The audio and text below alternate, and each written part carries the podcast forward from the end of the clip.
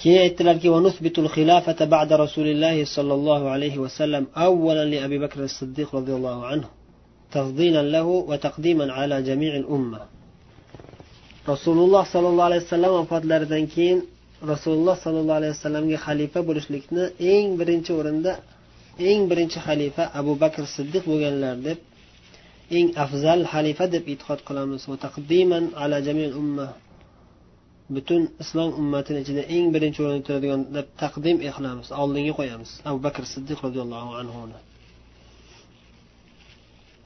bu masalada butun ahli sunna va jamoa bil ittifoq shunday deb e'tiqod qilishadi. Eng afzal sahobiy abu bakr eng birinchi xalifa abu bakr eng afzal xalifa abu bakr roziyallohu anhu. Abu bakr siddiq roziyallohu anhuning afzaliyatlariga dalolat qiladigan va u kishi rasululloh sollallohu alayhi vasallamdan keyin xalifa birinchi xalifa bo'lishliklariga dalolat qiladigan bir qancha hadis shariflar kelgan. Imom ibn abil ays shulardan ba'zilarini zikr qilganlar. Biz ham ana shulardan ba'zilarini zikr qilib o'tamiz. Jubayr ibn mutim roziyallohu anhu rivoyat qiladilar. Rasululloh sollallohu alayhi vasallamning huzurlariga bir ayol kelib murojaat qiladi. Shunda rasululloh sollallohu alayhi vasallam keyingi yil kelishini so'raydilar. Keyingi yil kelishini aytadilar talab qiladilar. Shunda u ayol rasululloh sollallohu alayhi vasallamga aytadiki ey rasululloh keyingi yil kelsam sizni topolmasamchi? deydi. Ya'ni siz vafot qilib ketsangizchi? deb degan ma'noda shunday savol beradi.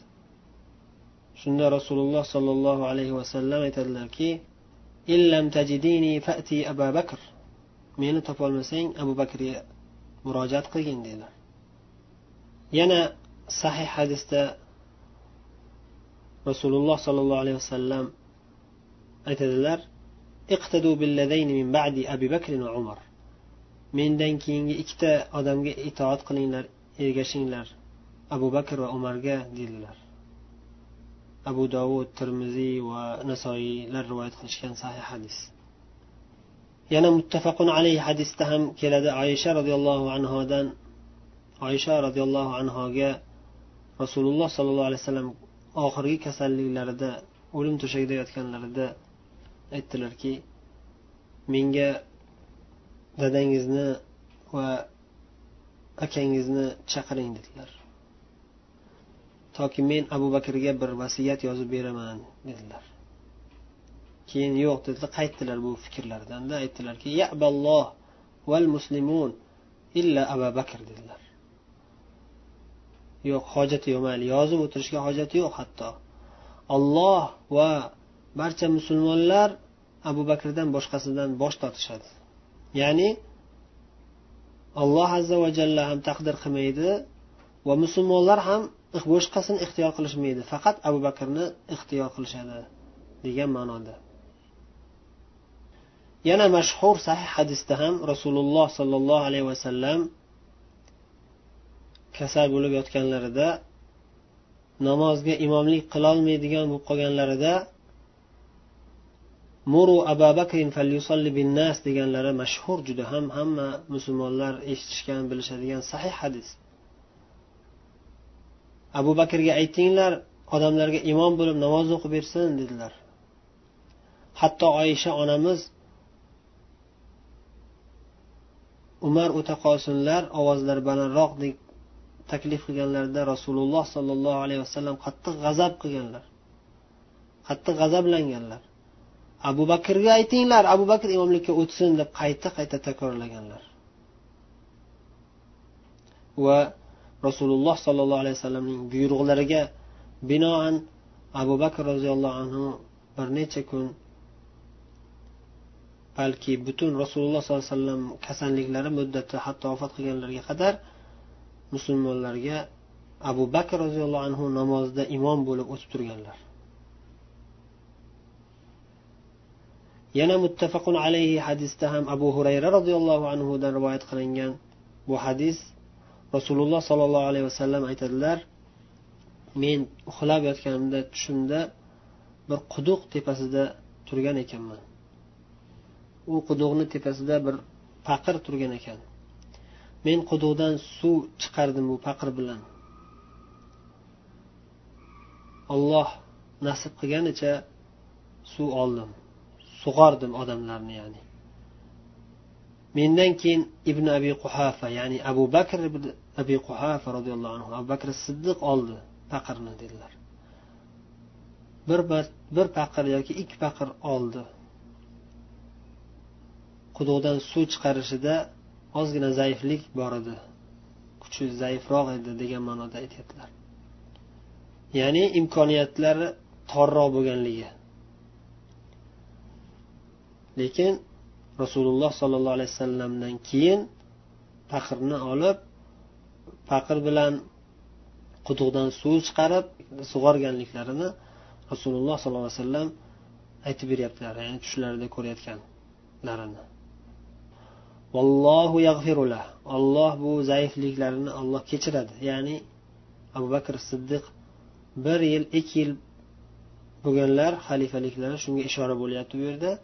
Bu xalifaliklari asnosida musulmonlarning ahvoli zaif bo'lgan chunki arablar murtad bo'lib ketib qolgan va ana shu murtadlarni qaytadan islomga kiritish uchun abu bakr siddiq roziyallohu anhu qattiq jihod qilganlar boshqarganlar islom ummatini jihodda va shu bilan arab jazirasi murtad bo'lib ketgan arablar hammasi qaytadan islomga kiradi. Alloh u kishining zaifliklarini kechiradi deyaptilar. Imkoniyatlari torroq bo'lganligini kechiradi ya'ni. Bu paqir keyin juda ham katta bir paqirga aylanib ketdi. Katta bo'lib ketdi. Ana shunda keyin ibn xattob umar ibn xattob abu bakrdan oldi bu paqirni ya'ni abu bakr vafot qilganlaridan keyin umar xalifa bo'lganliklariga ishora kelyapti. Bu narsa hammasi payg'ambarimiz sollallohu alayhi vasallam hayotliklarida tushlarida ko'rsatilyapti. falam ara abqariyan minan nas yafri fariyahu umar ibn hattobchalik qattiq kuch bilan kuch quvvat bilan xizmat qiladigan biron bir qahramon ko'rmadim degan ma'noda aytyaptilar. Hatto ya'ni odamlar suv ichib sug'orilib chanqoqlar ketib xotirjam bo'lishdi hammalari ya'ni. Bu umumiy ma'nosi. Hadisni umumiy ma'nosi. Mana shu sahih muttafaqun alayhi hadisda ham rasululloh sollallohu alayhi vasallam tushlariga binoan rasululloh sollallohu alayhi vasallamdan keyingi eng birinchi xalifa abu bakr ekanliklarini rasululloh sollallohu alayhi vasallam ishora qilib xabar beryaptilar. U kishidan keyin umar roziyallohu anhu xalifa bo'lganliklariga ham ishora qilib xabar beryaptilar. Yana muttafaqun alayhi hadisda yana rasululloh sollallohu alayhi vasallam minbarda turib xutba qilib aytganlar. لو كنت متخذا من الناس خليلا لاتخذت أبا بكر خليلا yoki ba'zi bir rivoyatlarda min ahlil ard yer ahlidan o'zimga halil eng yaqin do'st tanlab olishim joiz bo'lganda abu bakrni halil etib tanlab olardim lekin sohibingiz ya'ni men deyaptilar rasululloh sollallohu alayhi vasallam ya'ni muhammad sallallohu alayhi vasallam allohning halili allohning halili bo'lgan odam boshqa hech kimni halil qilib tanlab ololmaydi halil darajasiga ko'tara olmaydi hech kimni. Keyin aytyaptilarki masjidga qarab turgan masjidga ulanib turgan eshikchalarni hammasini yopib tashlanglar. Illa xavxata abu bakr abu bakrni eshigidan tashqari. Faqatgina abu bakrni eshigi masjidga ulanib turaversin qolganlarning hammasini eshigini yopinglar. Katta eshikdan kirishsin o'zlariga xos eshik ochib olishmasin masjidga. O'sha ochilgan eshiklar hammasi yopilsin. Bitta abu bakrni xos eshigi bo'lsin faqat degan ma'noda rasululloh sollallohu alayhi vasallam buyruq berdilar o'lishlaridan vafotlaridan oldinroq. Mana shu hadisda ham abu bakr xalifa bo'lishliklariga ochiqdan ochiq ishora bo'lgan. Va hokazo bir qancha hadislar bor. Abu bakr siddiq roziyallohu anhu fazilatlari haqida va rasululloh sollallohu alayhi vasallamdan keyin eng birinchi xalifa abu bakr bo'lishliklari zarur ekanligiga ishora qiladigan bir qancha hadislar bor. Ana shularning hammasi haqida ibn abil iz rahimaulloh sharhda batafsil yozganlar. Keyin imom tahoviy aytdilarki umar ibn xattob roziyallohu anhu. Abu bakrdan keyin umar ibn xattob roziyallohu anhu xalifa eng afzal xalifa ikkinchi eng afzal xalifa deb e'tiqod qilamiz. Shunday deb qat'iy aytamiz deyaptilar. Umar roziyallohu anhuning fazilatlari ham juda ham ko'p. Hadislarda bayon qilingan. Ana shu hadislardan ba'zilarini ibn abil iz rahimaulloh sharhda zikr qilganlar. Biz ham ba'zilarini tanlab zikr qilib o'tamiz. Ali roziyallohu anhuning muhammad ibn hanafiya deb mashhur bo'lgan o'g'illaridan rivoyat. Muhammad ibn hanafiya rahimaulloh dadalari ali roziyallohu anhuga aytdilarki ey otajon rasululloh sollallohu alayhi vasallamdan keyin eng yaxshi inson kim dedilar? Ali roziyallohu anhu so'radilar ey o'g'ilcham bilmaysizmi? Muhammad ibn hanafiya javob qildilar yo'q bilmayman dedilar. Ali roziyallohu anhu aytdilar abu bakr dedilar. U kishidan keyin kim dedim? dedilar muhammad ibn hanafiya. Ali roziyallohu anhu javob qildilar umar dedilar. U kishidan keyinchi desam usmon deb aytishlaridan qo'rqib uchinchi o'rinda siz turasizmi deb so'radim dedilar. Shunda ali roziyallohu anhu javob qildilarki ma ana illa rajulun minal muslimin. Men faqatgina bir insonman musulmonlardan bo'lgan bir odamman xolos dedilar. Demak ali roziyallohu anhu o'zlari shunday deb turishliklari ham ali roziyallohu anhuni shiyalardanmiz deb davo qiladigan adashgan toifalarga rofizalarga ochiqdan ochiq raddiya bu.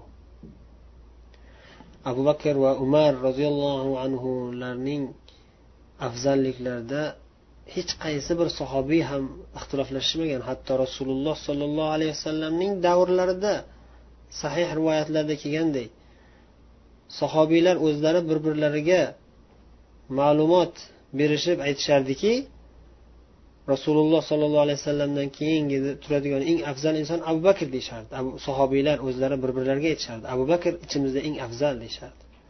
U kishidan keyin umar ikkinchi o'rinda turadi deyishardi. U kishidan keyin uchinchi o'rinda usmon turadi deyishardi. Barcha sahobiylar shu narsani bir birlariga aytib yurishardi. Bu narsa mashhur bo'lganda sahobiylarning hayotlaridan boshlab bir kuni umar roziyallohu anhu rasululloh sollallohu alayhi vasallamning ziyoratlariga keldilar. Rasululloh sollallohu alayhi vasallamning huzurlarida bir qancha ayollar ovozlari ko'tarilgan holatda rasululloh sollallohu alayhi vasallam gapirib turishgan payti edi. To'satdan umar ibn hattob kelib qoldilar. Shunda hamma ayollar ovozlari o'chib jim bo'lib qolishdi qo'rqib umardan. Endi bu ayollar rasululloh sollallohu alayhi vasallam o'zlarining ayollari edilar. Shunda rasululloh sollallohu alayhi vasallam aytdilarki xattob ey xattobning o'g'li umar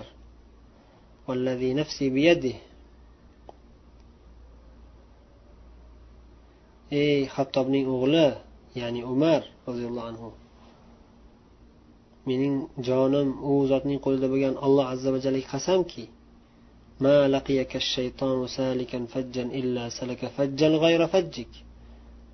shayton qachonki siz bir yo'ldan ketayotganingizni ko'rsa sizdan qochib boshqa yo'lga o'tib ketadi dedilar.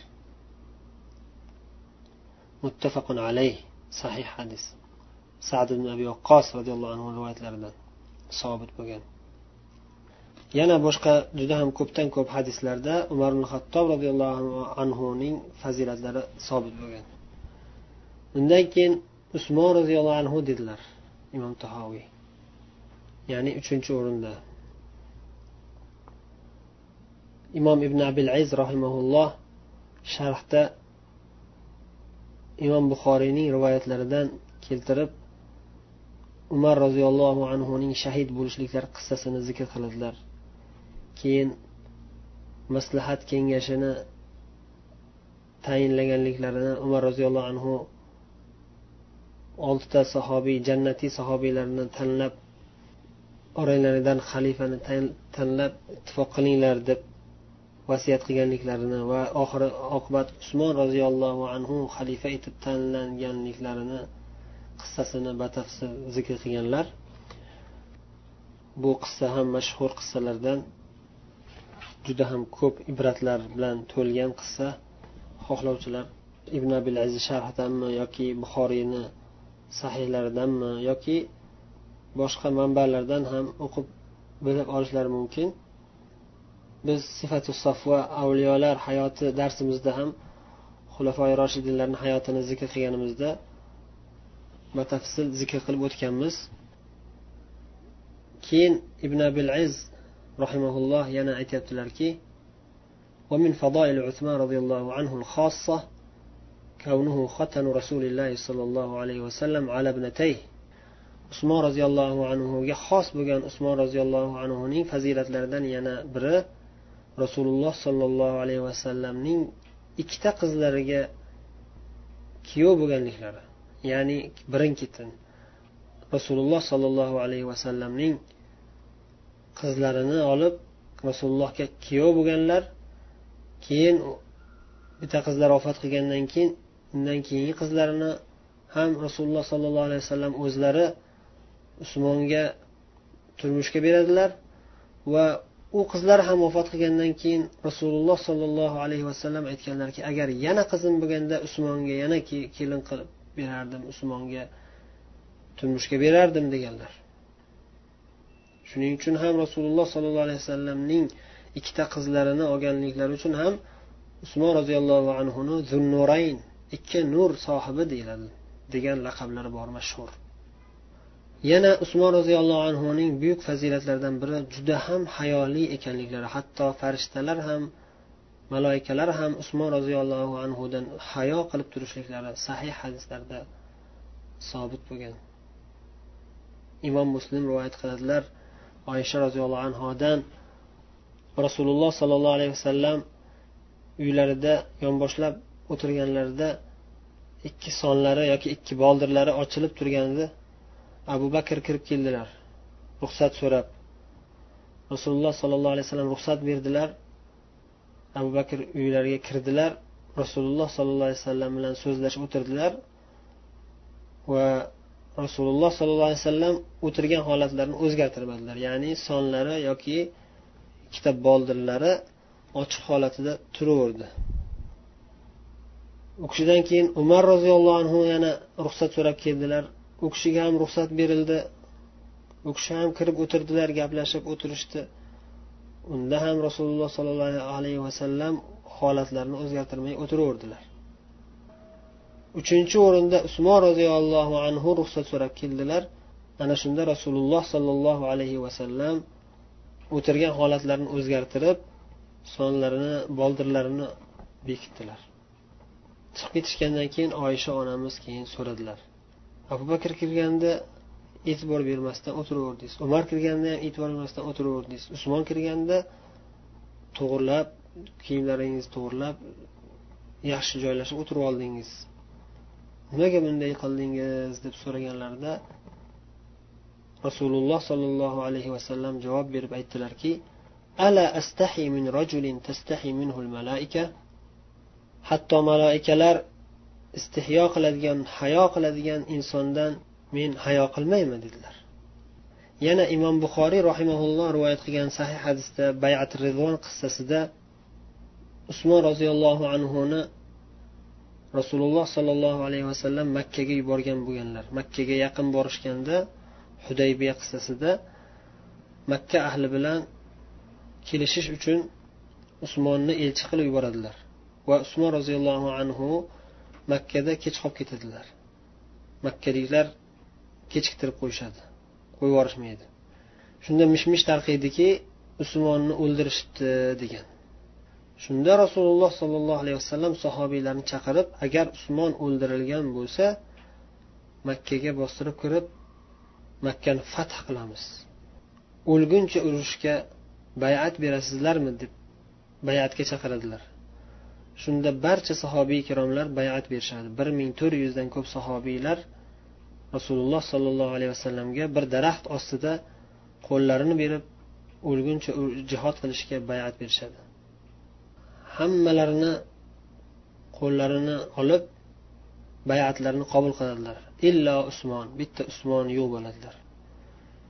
Lekin rasululloh sollallohu alayhi vasallam oxirida aytadilarki mana bu qo'l usmonni nomidan bayat mana usmon bayat berdi deb turib o'zlarini qo'llarini birisini ikkinchisini ustiga qo'yib bu usmon uchun deb usmon roziyallohu anhu nomlaridan rasululloh sollallohu alayhi vasallam o'zlari bayat beradilar.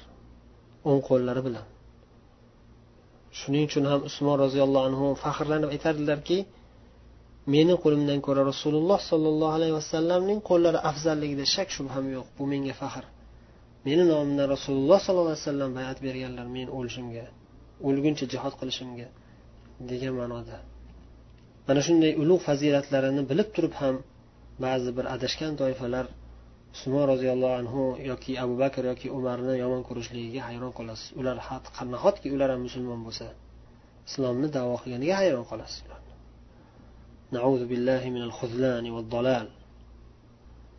Undan keyin imom tahoviy aytdilarki ali ibn abi tolib roziyallohu anhu.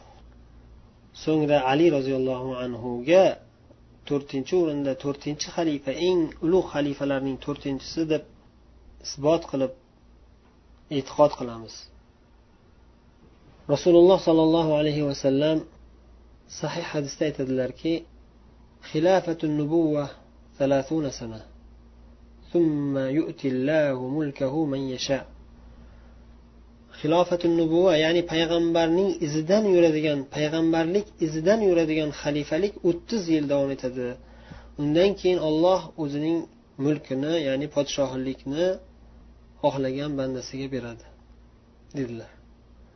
Mana shundan ulamolar istinbot qilishib va bu hadis bilan rasululloh sollallohu alayhi vasallam boshqa hadisda mendan keyingi xulafoi roshidinlarga ergashinglar shularni sunnatini lozim tutinglar degan hadisni bir biriga bog'lab bayon qilib aytishadiki to'rtta xalif xulafolarning xalifalik muddatlari o'ttiz yil bo'lgan. Abu bakr siddiq roziyallohu anhu birinchi o'rinda xalifa bo'lganlar. Ikki yilu uch oy. U kishidan keyin umar roziyallohu anhu o'n yil xalifa bo'lganlar o'n yarim yil. U kishidan keyin usmon roziyallohu anhu o'n ikki yil xalifa bo'lganlar. U kishidan keyin to'rtinchi o'rinda ali roziyallohu anhu to'rt yilu to'qqiz oy xalifa bo'lganlar. Hammasi bo'lib yigirma to'qqiz yilu olti oy bo'ladi. Oxirgi olti oyda ali roziyallohu anhuning o'g'illari hasan roziyallohu anhu xalifa bo'lganlar. Hasan roziyallohu anhuning xalifaliklari bilan o'ttiz yil mukammal bo'ladi. Hasan roziyallohu anhuni ali roziyallohu anhu o'zlari tanlamaganlar. Agar mendan keyin o'g'lim hasan xalifa bo'lsin deb taklif qilganlarida edi. Ozgina shubha bo'lib qolardi. Nimaga? Chunki o'zlarini o'g'illarini xalifalikka taqdim qilishliklari shubhali bo'lib qolardi. Shunday qilmaganlar. Chunki hech qaysi bir xalifa o'zlarini farzandlarini xalifalikka taqdim qilishmagan aslo. Haqiqiy xalifalar o'zlarini farzandlarini xalifalikka taqdim qilgan xalifa muoviya roziyallohu anhu boshidan boshlangan. Shuning uchun ham ular u kishini xulafoi roshidinlardan deb e'tibor e'tiborga olinmagan. Balki podshohlardan deb hisoblanadi. Musulmonlarning eng yaxshi podshohlari muoviya musulmonlarning eng yaxshi podshohlari muoviya roziyallohu anhu deyiladi. Lekin xulafoi roshidin darajasiga erishmaganlar. U kishiga nasib bo'lmagan bu fazilat. Bu juda ham buyuk fazilat. Hammaga ham nasib bo'lavermaydigan fazilat. Balki faqatgina to'rt kishiga ochiq oydin suratda nasib bo'lgan. Beshinchisi hasan roziyallohu anhuga ali roziyallohu anhuga tabaan nasib bo'lgan.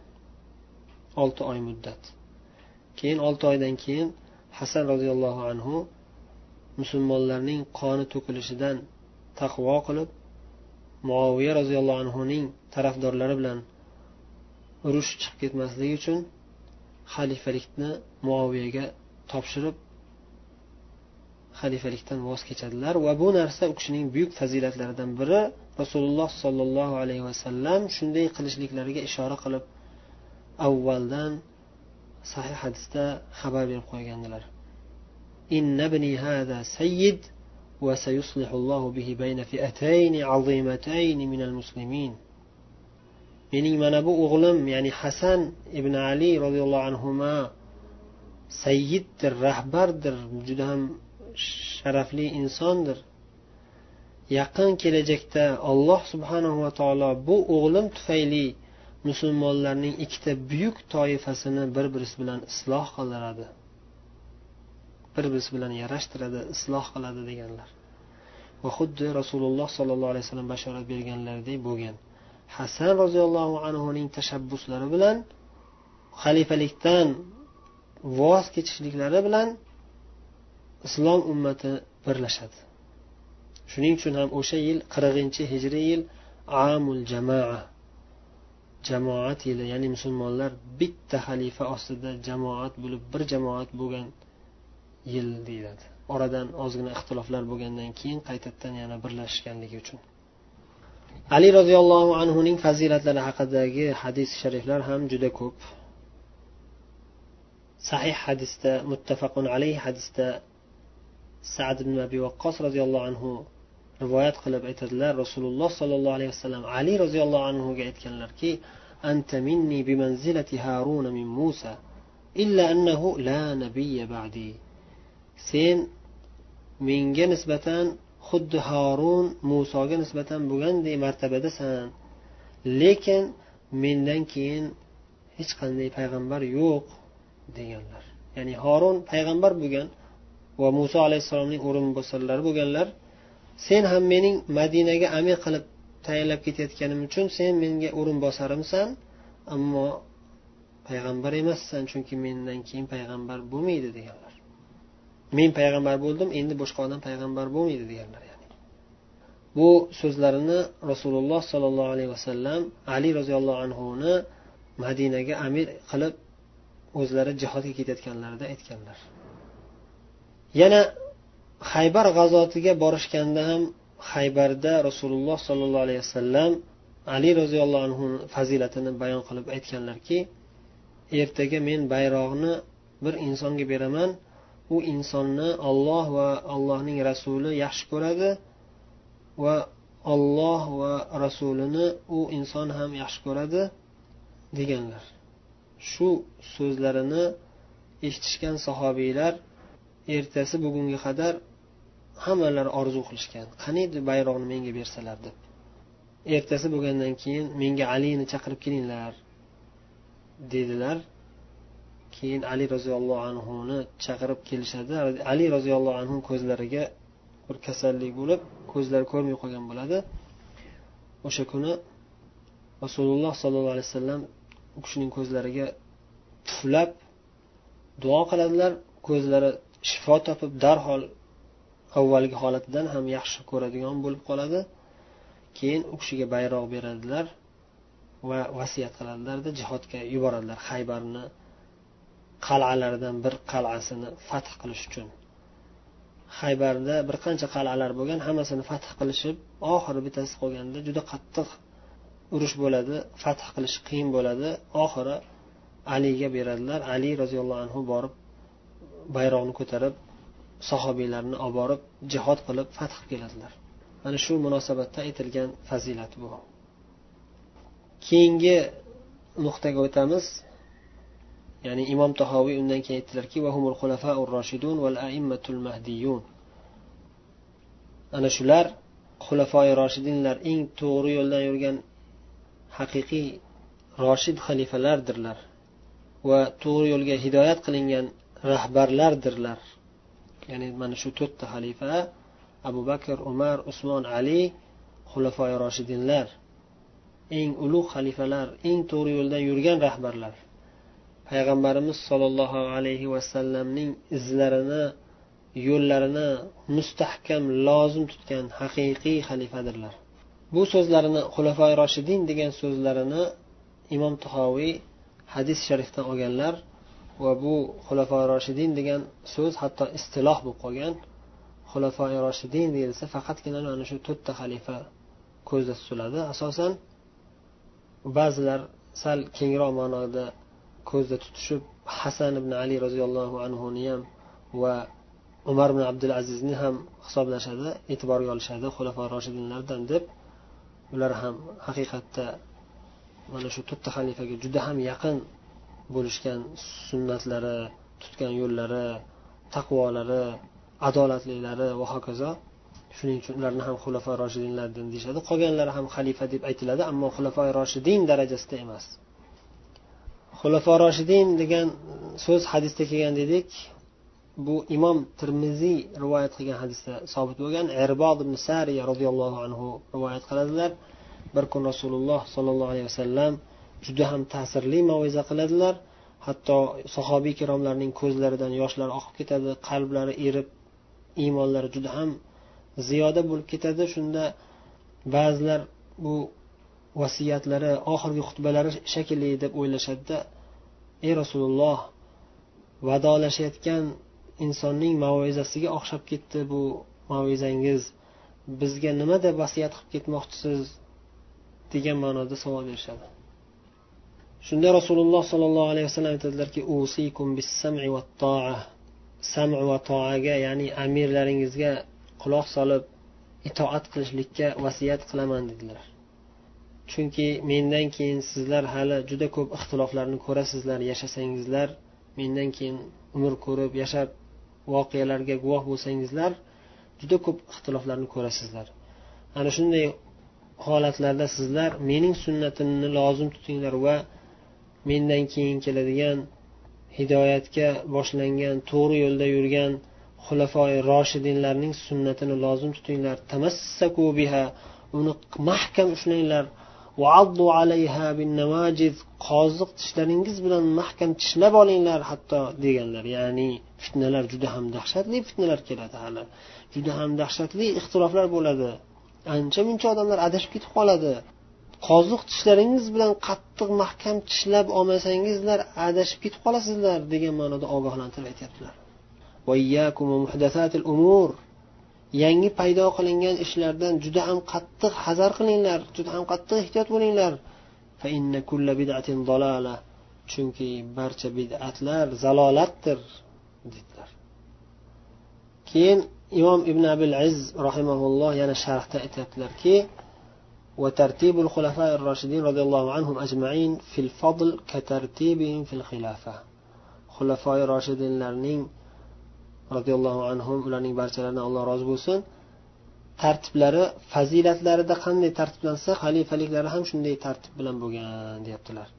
Ya'ni eng afzallari abu bakr bo'lsalar taqvo iymon jihatdan xalifalik jihatdan ham eng birinchi xalifa bo'lganlar. U kishidan keyingi eng taqvoli eng iymoni kuchli xalifa umar bo'lgan bo'lsalar xalifaliklari ham ikkinchi o'rinda bo'lgan. U kishidan keyingisi uchinchi o'rinda usmon iymon axloq odob taqvo jihatdan uchinchi o'rinda turgan bo'lsalar xalifaliklari ham uchinchi o'rinda bo'lgan taqdir taqozosi bilan. U kishidan keyin to'rtinchi o'rindagi eng ulug' inson iymon jihatdan taqvo jihatdan ali roziyallohu anhu bo'lgan bo'lsalar xalifaliklari ham to'rtinchi o'rinda bo'lgan taqdir taqozosi bilan.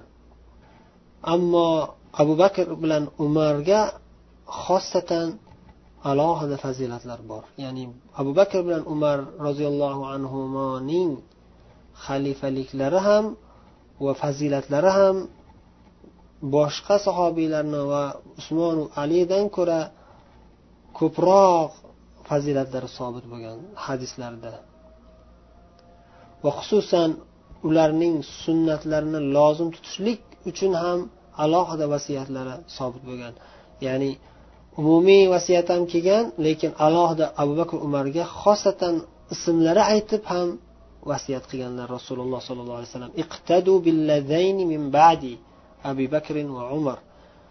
Mendan keyingi ikkita odamga iqtido qilinglar abu bakr va umarga dedilar. Ya'ni bu ularga bu alohida bir xos fazilat eng ulug' ekanliklariga. Eng ulug' sahobiy eng ulug' xalifa eng ulug' avliyo ekanliklariga dalolat qiladigan rasululloh sollallohu alayhi vasallamning sunnatlarini eng qattiq lozim tutadigan xalifa ekanliklariga ochiq oydin dalolat qiladigan xos alohida fazilatlardan biri bu. Usmon roziyallohu anhuni uchinchi bo'lib tanlanishlariga ham barcha muhojir ansorlar ittifoq qilishgan abdurahmon ibn avf roziyallohu anhu hammalaridan so'rab chiqqanlar. U kishiga vakolat topshirilganda shuro majlisida ali bilan usmondan qaysi birlarini xalifa qilib tanlaymiz deyilganda abdurahmon avfga topshirilganda oxiri nuqta taqalib shunga to'xtaganda abdurahmon avf uch kun uxlamasdan muhojirlar ansorlardan so'rab chiqadilar.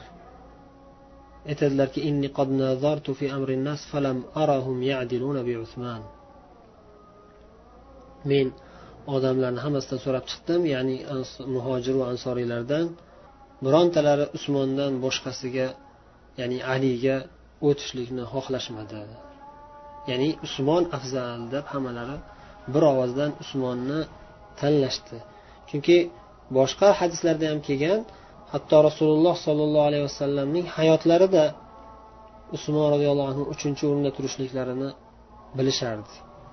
Ayub sixtiyoniy eng buyuk tobeinlardan buyuk ulamolardan bu kishi aytadilar mallam yuqaddim usmon ala ali faqad azro bil muhajirin val ansor kimki usmonni alidan afzal deb ko'rmasa muhojiru ansorlarni pastga urgan bo'ladi haqorat qilgan bo'ladi xuddiki.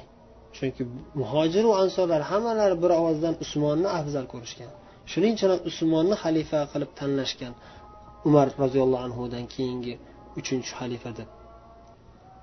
Muttafaqun alay hadisda ibn umar roziyallohu anhudan rivoyat qilingan sahih rivoyat كنا نقول ورسول الله صلى الله عليه وسلم حي أفضل أمة النبي صلى الله عليه وسلم بعده أبو بكر ثم عمر ثم عثمان rasululloh sollallohu alayhi vasallam tirik hayot davrlarida biz aytardikki ya'ni sahobiylar aytishardiki ummati nabiy muhammad sallallohu alayhi vasallamning ummatlari ichida u kishidan keyin payg'ambarimizdan keyin eng afzal inson abu bakr keyin umar keyin usmon deb aytardik deb ibn umar sahobiy ikromlarning tillaridan rivoyat qilyaptilar.